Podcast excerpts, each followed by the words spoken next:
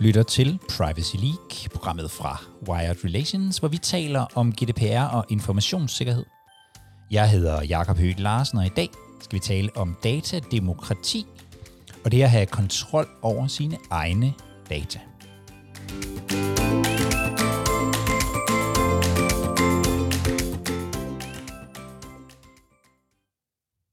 Hej Pernille. Hej. Et, øh, et datademokrati, hvad er det?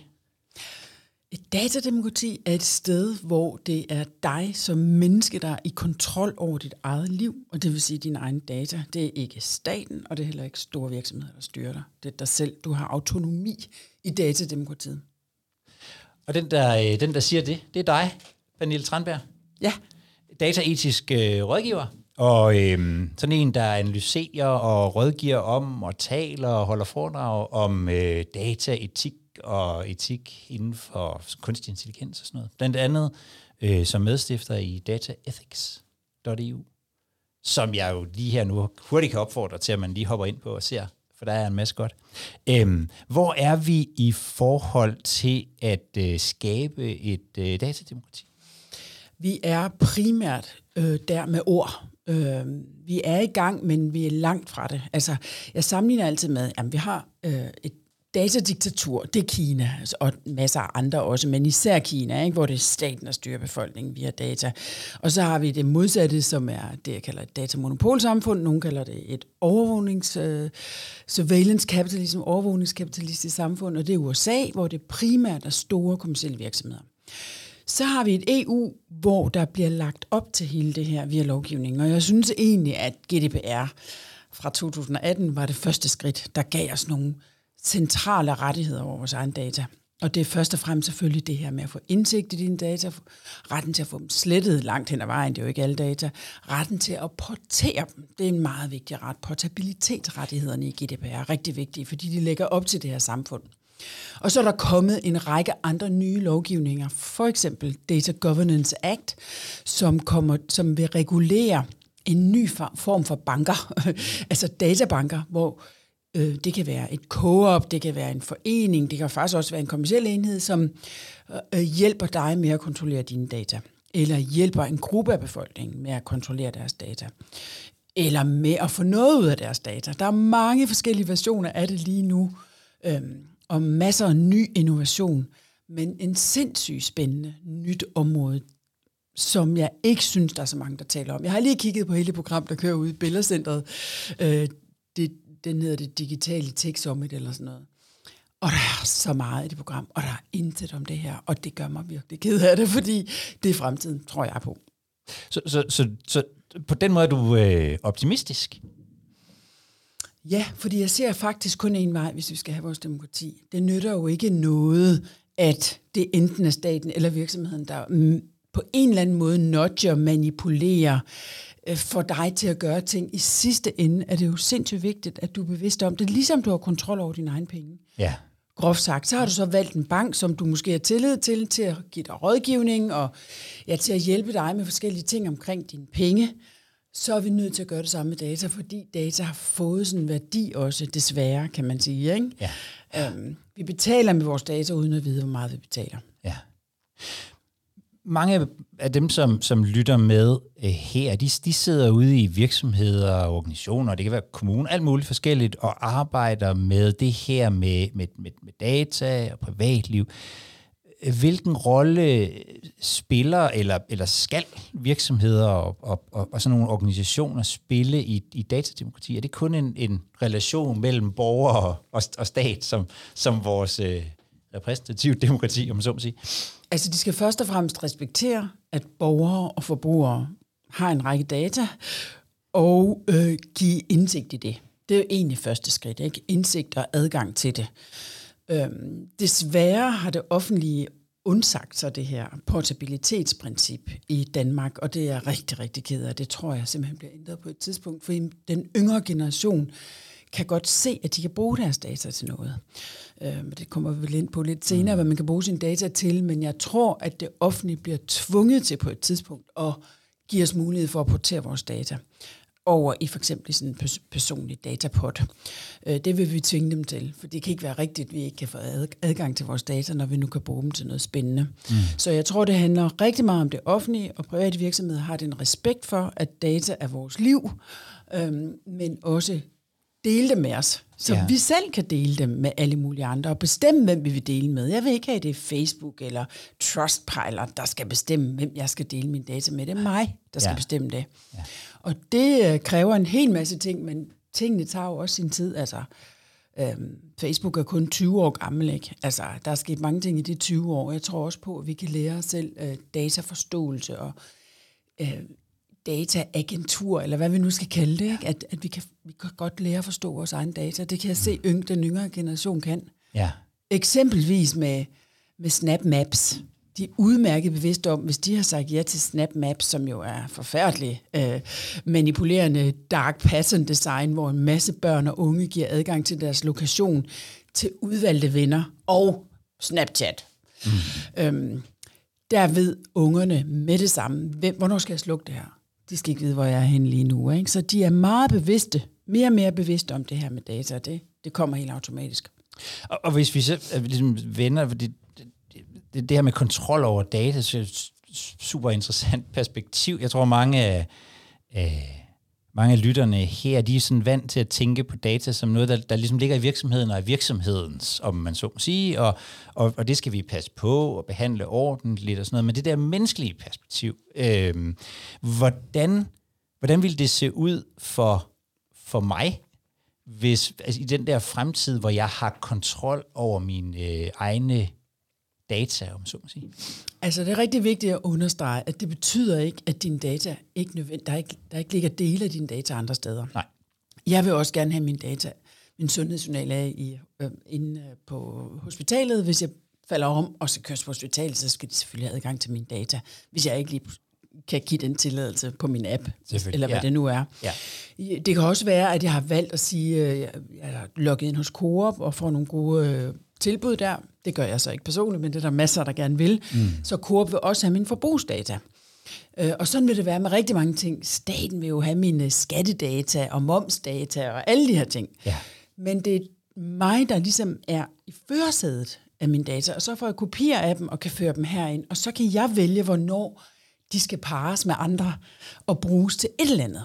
Ja. Altså lad os nu sige, at jeg for eksempel var en ung kvinde, som har sådan en cyklus-app, hvor jeg tracker min menstruationscyklus, og jeg bruger for eksempel den tyske app Clue, som er en rigtig god app i forhold til amerikanske apps, som øh, må sælge data, øh, fordi det, ja, det er en anden historie.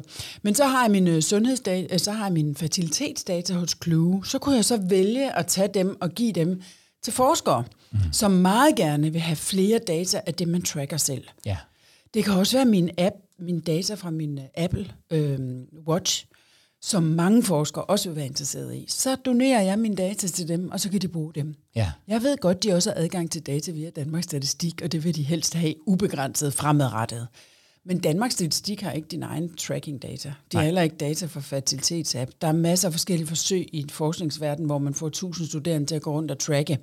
Men tænk, hvis man kunne gøre det meget mere smart ved at bruge sådan en personlig datastore, hvor jeg har mine apps, mine, mine tracking data, som jeg så giver i det her projekt, det her projekt, det her projekt, og så videre. Fordi jeg tror rigtig mange er interesseret i at dele deres data.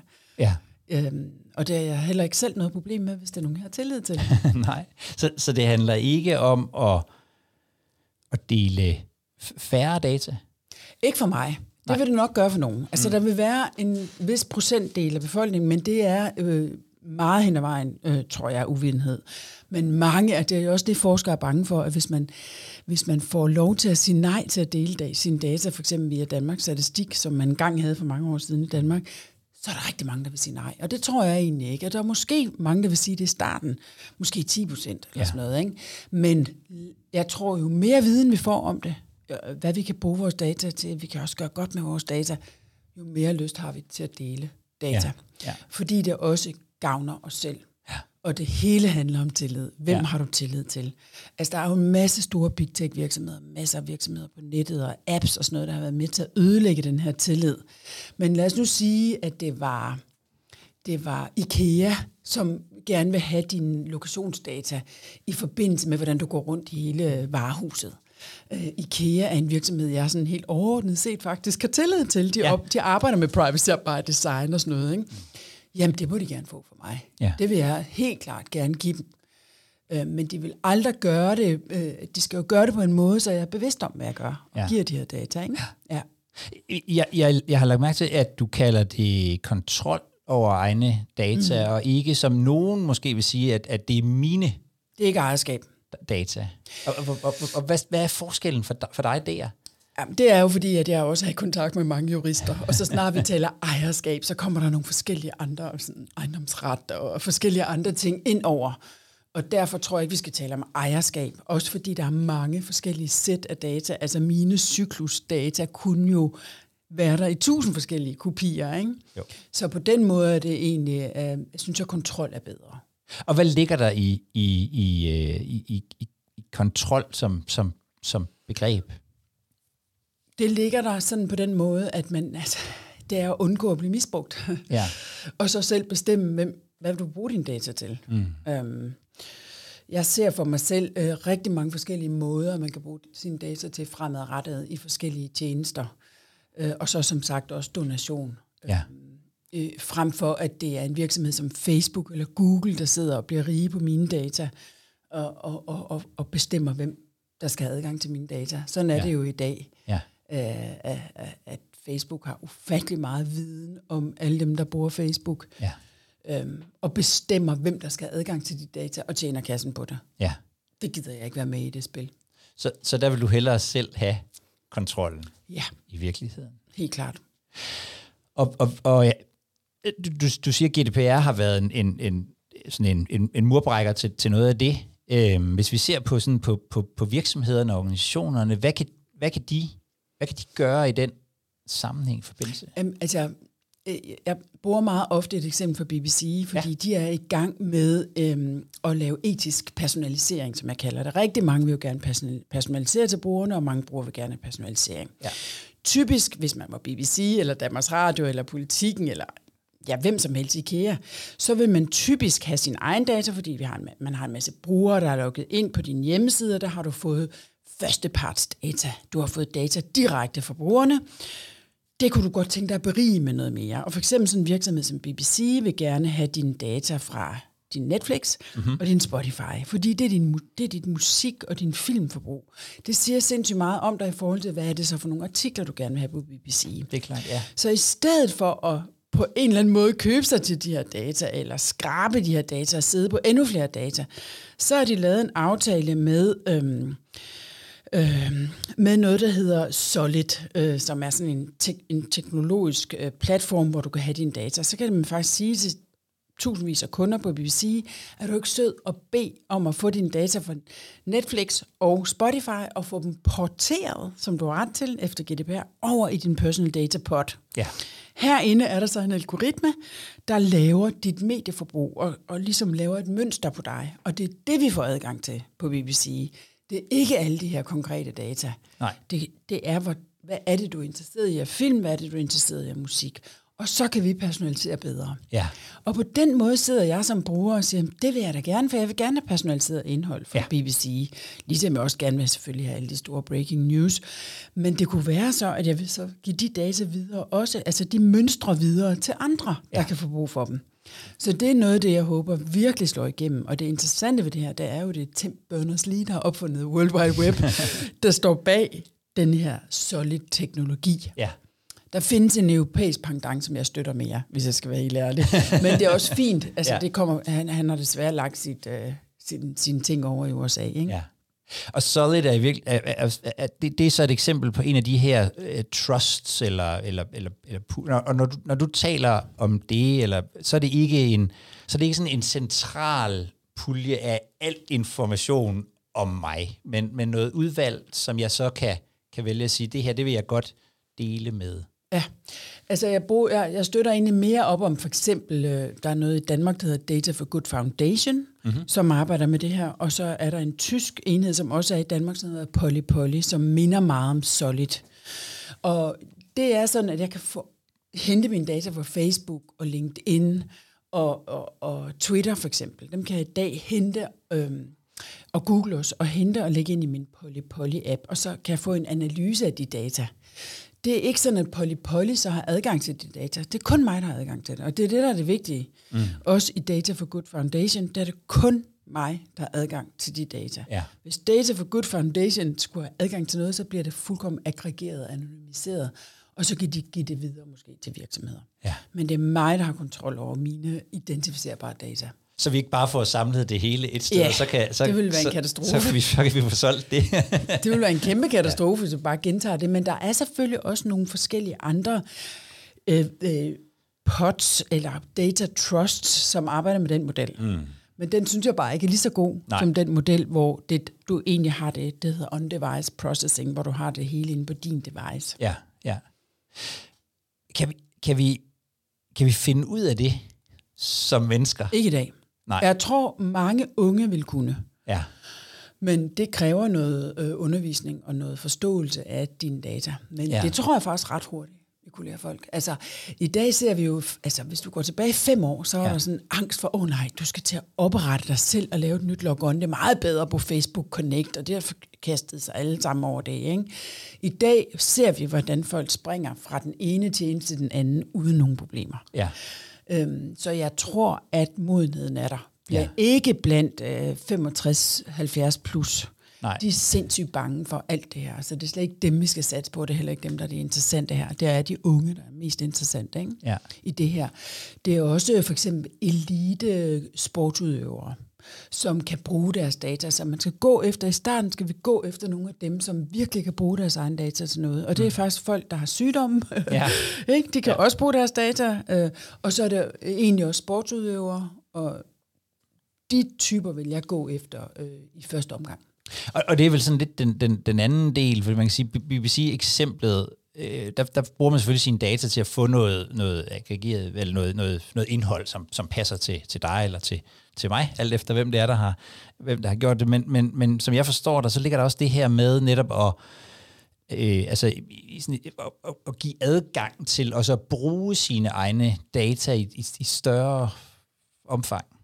Ja, altså i andre tjenester. Ja, jeg tænker sådan, altså i virkeligheden det her med sådan, at, altså, at, at det også er en del af kontrollen, det er i virkeligheden at give adgang til, at, at jeg, kan, jeg kan bruge det her til noget. Ja, altså øh, BBC er et eksempel. Det kunne Ja. ja. også være andre eksempler. Altså for eksempel en, en svejsisk tjeneste, der hedder Bits About Me, der kan du få beregnet dit CO2-forbrug. Ja. Øhm, det kan også være, at der er, der er også nogle mindre danske tjenester, som ikke har taget samme udgangspunkt, men som hjælper dig med at bruge dine data, for eksempel Spire eller Spenderlog, hvor du simpelthen kan se dit forbrug bedre og få en bedre øh, tjek på det, altså over- overblik over din egen økonomi og sådan noget. Så Ja, ja, der kommer masser af sådan noget, jeg forestiller mig, masser af flere af de tjenester, fordi du er nødt til at få noget ud af dine data, mm. for at du vil give dine data til, de, til større øh, til større øh, ting, for eksempel altså øh, øh, forskningen. Ikke? Jo. Men øh, det er jo også en fordel for virksomhederne. Altså for en virksomhed som BBC eller alle mulige andre, der får dine mønstre, så sidder de ikke på alle de her data. Og det er jo i dag sindssygt risikabelt at sidde på mange personidentificerbare data. Og det er der faktisk flere og flere, der ikke ønsker, Ja. fordi risikoen er for stor. Ikke? Øhm, så derfor vil det også være en fordel for mange virksomheder bare ja. at få indsigterne, så de så kunne personalisere, eller hvad de nu vil have brug for med de her data. Ja. Og hvordan ser det her ud fra, altså set fra, fra virksomhedens side? Hvordan er det, hvordan er det anderledes end, end, end i dag, om man så må sige? Er, er det anderledes, fordi de så skal indgå øh, noget samarbejde med nogle andre parter? Ikke? Altså, Ja. i dag, så må man prøve at købe data. Så der er virksomheder, der prøver at købe data for databrokers. Men helt ærligt, det er jo ikke særlig gode data, du får fra databrokers mm. i dag. Det er jo data, de har skrabet fra nettet mere eller mindre ulovligt, eller har købt sig til.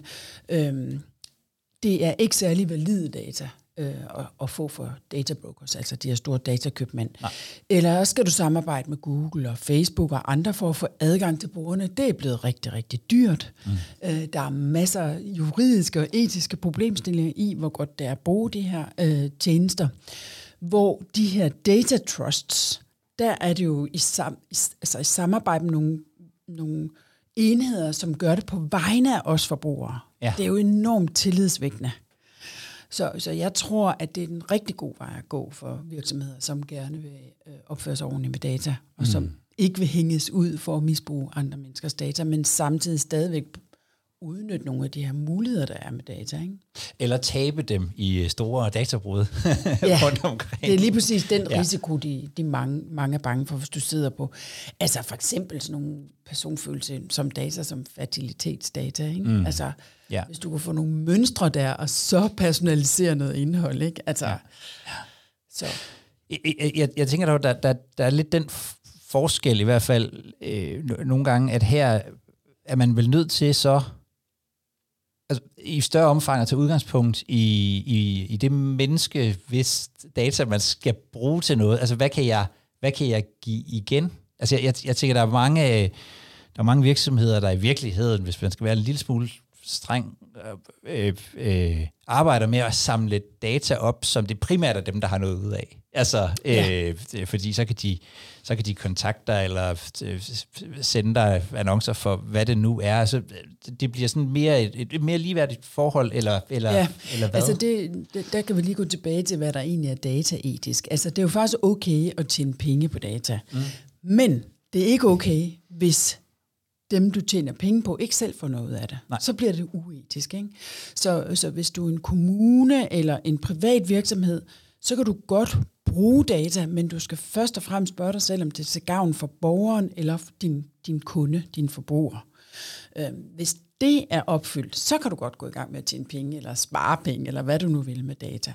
Så den model, du i dag ser, hvor øh, store virksomheder som Google og Facebook og Amazon og øh, Big Tech-virksomhederne, som jo er kritiseret nu af alle, af Gud og hver mand, øh, den model holder jo ikke, Nej. for den er dybt urimelig. De har været sindssygt dygtige og er sindssygt dygtige til at forstå datas rolle og faktisk også vise, hvad man kan bruge data til, ikke? Ja. og blive rig på. Ja. Det har de været rigtig gode til. Og det har de vist os, og nu, nu er så tiden inden til, at nu, nu skal vi andre også have noget af det. Ikke? Jo. Og, og hvordan, hvordan, får man, hvordan får man i praksis de her mennesker ind i, i, i processen? Altså, øh, i, i GDPR har man jo den her interesseafvejning, hvor man nogle gange skal afveje øh, øh, nogle registrerede interesser op mod virksomheder. Jeg vil ikke, jeg skal ikke lægge skjul på, at jeg der nogle gange har set nogen, hvor jeg tænkte, har man for alvor sat sig ind i, i, det, i den registrerede, eller var det i virkeligheden mest mine interesser, der kom til udtryk her? Altså, hvordan, hvordan arbejder man med det i, i praksis? Ja, det er, jo, det er jo så den svære ting, det er, hvordan får vi aktiveret brugerne i det her. Ikke? Altså sådan en virksomhed, eller sådan en fond som Data for Good Foundation, forsøger for eksempel i samarbejde med kraftens bekæmpelse i et projekt, et forskningsprojekt, hvor de ja. prøver at få øh, x antal kraftpatienter til at komme ind og give deres data her, og så se, om vi kan faktisk måske få noget ud af det her, øh, men nogle forskellige øh, øh, services, øh, så man kan gå via nogle patientorganisationer eller via nogle idræts øh, organisationer. Så er der sådan en som Polly Polly, der er mere, altså hvis du downloader for eksempel Polly Polly-appen, og beder om at få dine Facebook-data ind, ja. Ja. der viser de dig, hvordan du gør, så kan du allerede der få en analyse af, øh, hvem er det, øh, hvad, hvad er din advertising value, for Ja. eksempel. Ikke? Ja. Altså, hvad er det for noget, Facebook sælger dig på, øh, sælger adgang til dig på. Ja. Og der begynder du at få en idé om, at du kan få noget af dine data. Ja. Øh, Så der er, det, der er det individuelle adgang til det, hvor du prøver at aktivere nogle brugere. Det, det tror jeg, du kan med dem, som er meget har forståelse for data og synes, det er spændende. Ikke? Ja. Og det er skridtet efter, du har lært at beskytte dine data. Øhm, hvor den anden tilgang er mere den brede tilgang til at få mange med øh, via nogle organisationer. Ikke? Ja. Da jeg så, hvordan Facebook solgte mig, så, øh, så sælger de mig på at være en 58-årig konservativ kvinde. Nej, det er sjovt. ja. Det må jo være noget, jeg har liket, eller Ja, det- noget. ja, ja, eller det også må fordi det jeg ikke bruger Facebook så meget, måske. Det Jamen, det er det samme, hvis jeg kigger på, øh, altså der er faktisk noget, der hedder Apply Magic Source, hvor du kan gå ind og lave en analyse af dine Twitter-data. Mm. Og jeg er meget bevidst om, hvordan jeg er på Twitter. Jeg er intet privat. Nej. Og jeg er en 31-årig mand, der deler en masse om teknologi. Og det er jo rigtigt nok. Den er god nok. Jeg er maskulin derinde, ikke? Ja. Så det, jeg skal jo aldrig, jeg skal aldrig finde på at lave noget, som er mere feminin Nej, derinde. nej. Og det viser måske også lidt om, hvad det er, de data nogle gange ikke Ja. kan. I virkeligheden. præcis, ja. Det, det, de data, og det er jo noget af det faktisk absolut vigtigste ved hele det her, det er, at de data, du får direkte fra brugeren, det er for det første opdateret data, mm. og sandsynligvis sande data. Ja. Hvorimod de data, du får fra tredjeparter, sandsyn, altså meget nemt kan være på en eller anden måde corrupted, ikke? altså ja. usande eller falske eller forkerte. Så det er også en fantastisk udvikling, hvis det er via brugerne selv, at du får data. Ja. Og det ser vi faktisk også en udvikling af, ikke? Altså at tredjeparts cookies, som jo har været den måde, vi har tra- altså virksomheder har tracket os brugere på, og Facebook og Google er blevet rige på, ja. det er jo på vej ud. Øh, mm. Blandt andet fordi Apple så den her tendens til, at brugerne blokkede for det, og så lavede de en fuld blok i, altså blokade af tredjeparts cookies i Safari'en ja. og i Safari-browseren, og det er der også nu i Firefox og i andre browser, og Google siger også, at vi skal også have det ud, ikke? Mm. og der vil de jo sætte meget mere på førsteparts data, altså ja. dem, de får direkte for os. Ja. Problemet det er nogle gange, altså jeg ved ikke, om du har været inde og se på, hvad Google egentlig sidder på data. Jo. På sådan takeout.google.com, det er meget, meget interessant, hvor meget der er der. Det ja. er virkelig skræmmende. Ja. Og det er jo der, hvor problemet bliver, hvis virksomheder bliver for store, så de bliver så magtfulde, så de har alle typer data ja. om dig, hvis du er bruger af den virksomhed. Ikke? Ja. Og det kræver faktisk uh, sin kvinde eller sin mand at, at komme ud af Google ja. og lade være med at bruge det. Ikke? Ja. Og der, der har jeg selvfølgelig så alternativer til alle tænkelige Google-services i dag. Ikke? Ja, til det til digitalt selvforsvar. Ja. ja. Øhm, så, så man får i virkeligheden også ind af bagdøren med det her som, som virksomhed, et mere, øh, på, på, på nogen måde, sådan mere direkte forhold måske til, sin, til, sine, altså til sine brugere på en eller anden måde? Ja, det gør man jo ikke, fordi man dels øh, sandsynligvis har brugerne inde i Bixen, øh, ved de har logget ind i forbindelse eller købt noget hos dig, Øhm, og så spørger man dem, kan jeg lige få lidt mere? Ja. Kan jeg få nogle flere indsigter omkring dig, så jeg kan servicere dig endnu bedre? Ikke? Ja. Så ja, det er, det er tillidsbaseret. Ja. Øhm, og det tager nogle år at bygge op, efter vi har smadret tilliden. Ikke? Altså ja, med tredjeparts, tredjeparts data på den måde, vi har gjort det. Ikke?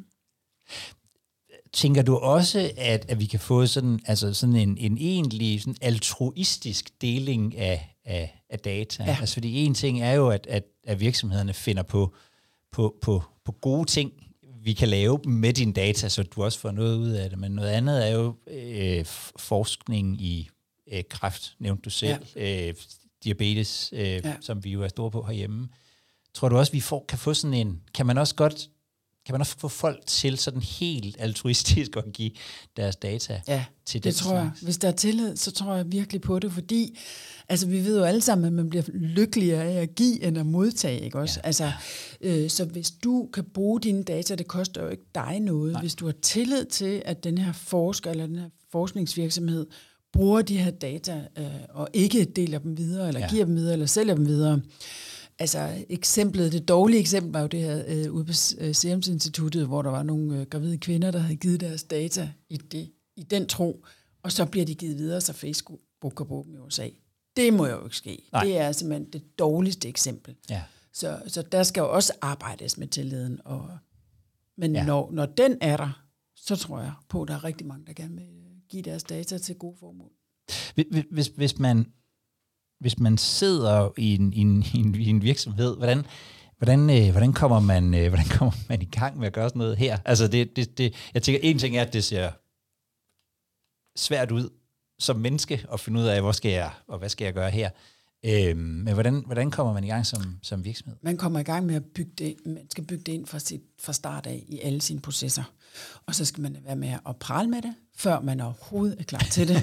Øh, der er faktisk, altså min erfaring er, at virksomheder, der arbejder med det grønne og med samfundsansvar og nogle af de virksomheder, vi kender i dag, som faktisk opfører sig pænt i forhold til det her, de gør det her allerede øh, nu helt uden at sige det til nogen. Mm. De gør det bare, ja. fordi det er en del af deres DNA. Og det er lidt det, når man taler om at embedde privacy med det samme, fra ja, starten af ja. alle dine processer. Ja. Så, så, så bliver det sådan en naturlig del til sidst. Ikke? Øh, så hvis du har et sådan godt DNA i forvejen, så tror jeg ikke, det er så svært. Nej. Men hvis du er en ung startup, så få det ind lige fra starten. Få nogle privacy-eksperter med ind fra starten, eller nogle dataetik-eksperter, og finde ud af, jamen, hvordan får jeg det her ind fra starten, for så er det heller ikke særlig dyrt. Nej. I forhold til, hvis du skal klaske det på til sidst og sige, gud, nu har vi implementeret hele det her med Google Analytics i alt, så er det dyrt at skifte ud, fordi ja, nu er vi også vant til det gratis og sådan noget. Ikke? Ja, Men ja. hvis de fra starten måske havde bygget deres egen webstatistik ind, eller ja, noget baseret på noget open source, eller et eller andet, eller ja. købt sig til det, ikke? Ja. fået det ind i budgetterne med det samme, Ja. så er det simpelthen meget, meget nemmere at være både juridisk, altså legal og etisk ansvarlig. ikke? og, så, og så det gode råd, eller være med at, og, øh, eller være med at blære sig med, med det, før man har fået ja. Det til at fungere. Øhm, men kan det også, tr- tror du, det kan blive en egentlig konkurrencefordel altså, øh, for virksomheder at, at, at kunne det her? Ja, det gør det. Altså det sagde, i 2016 skrev jeg den bog, der hedder Dataetik, den øh, konkurrencefordel. ja, den har jeg, jeg tror også også på, at individuel datakontrol, altså at give dine kunder så meget kontrol over data som overhovedet muligt, det bliver også en konkurrencefordel, fordi det øger tilliden. Ja, Øhm, og jo mindre data du så sidder på, og, din, og lader kunden sidde på dataene selv, ja, det øger jo tilliden selvfølgelig. ja. Øhm, så det tror jeg på. Helt klart. Det tager nogle år, det er Ja. klart, det gør det. Men altså dataetikken, det er seks år siden, jeg skrev den bog om dataetik mm. sammen med en, der hedder Gry Hasselbalg. Og der øh, var der ingen, der talte om dataetik overhovedet. Nej. Og det gør alle i dag. Så derfor tror jeg også på, at den, det kan godt være, at det går lige så hurtigt med det her individuelle datakontrol, men det skal nok komme. ja. Og hvor kan man gå hen og lære mere? Altså dataethics.eu selvfølgelig, der Ja. ja. skriver vi rigtig, rigtig meget om det. Ja. Ja. Der ligger flere bøger og hæfter og alt muligt, som ligger ægte gratis tilgængeligt. Der er ikke noget tracking, der er ikke nogen annoncer. vi er øh, en række mennesker, som giver vores viden væk gratis der, for at fremme det. Ikke? Ja. Så der er en masse der. Ja. Men der er jo også dataetisk råd i Danmark, og ja, jeg synes, der er mange, der efterhånden beskæftiger altså Institut for Menneskerettigheder beskæftiger sig med det, og der Ja. er masser masser andre. Så. Og jeg tænker faktisk, at hvis man sidder med det der med at tænke, kan, kan, kan vi det der med kontrol over egne data og sådan noget, der sad jeg jo i går og læste jeres øh, øh, fremragende øh, skriv om, øh, om det her med individuel datakontrol med absurd mange links til forskellige øh, virksomheder og organisationer, som arbejder med det her. Jeg tænker, at, at nogle gange kan det jo være en fordel måske at starte med sig selv Ja. og sige, hvordan, hvordan ser det her økosystem egentlig ud, hvis man er et almindeligt menneske? Ja. Øhm, og, og, og, og hvor kunne jeg gøre noget for så Ja. måske senere at kunne... Nu, sag, nu nævner, taler jeg nok meget om dataetik. Hvis det er mm. individuel datakontrol, så er der ikke så meget Nej, om det er det. ikke så meget. Nej. Men det er klart, at det hæfte, vi har lavet Data Ethics på 40 sider, det Ja. ligger også gratis både på dansk og engelsk.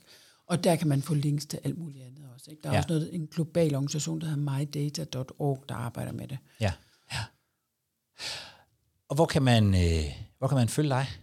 På Data Twitter og Ethics? LinkedIn. Twitter og LinkedIn. Ja, Ja. og så på Data Ethics. Og, Ja. ja. Du, er den- du er den unge mand på Twitter. Der er en ung mand på Twitter, ja. Ja. Øh, Facebook, Instagram og alt sådan noget, der faker jeg den, så det, der kan du ikke rigtig finde mig.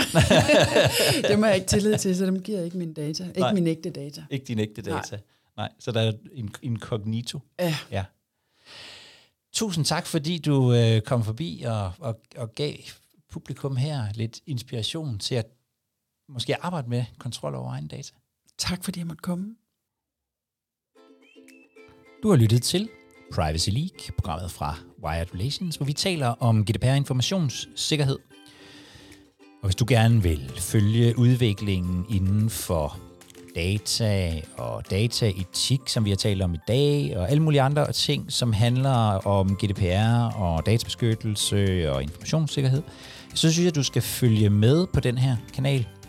Og det kan du gøre i en hvilken som helst podcast-app, du måtte synes, du godt kunne tænke dig at bruge. Du skal bare trykke på abonner eller følg, eller hvad det nu hedder i den øh, podcast-app. Så håber jeg, at vi høres ved.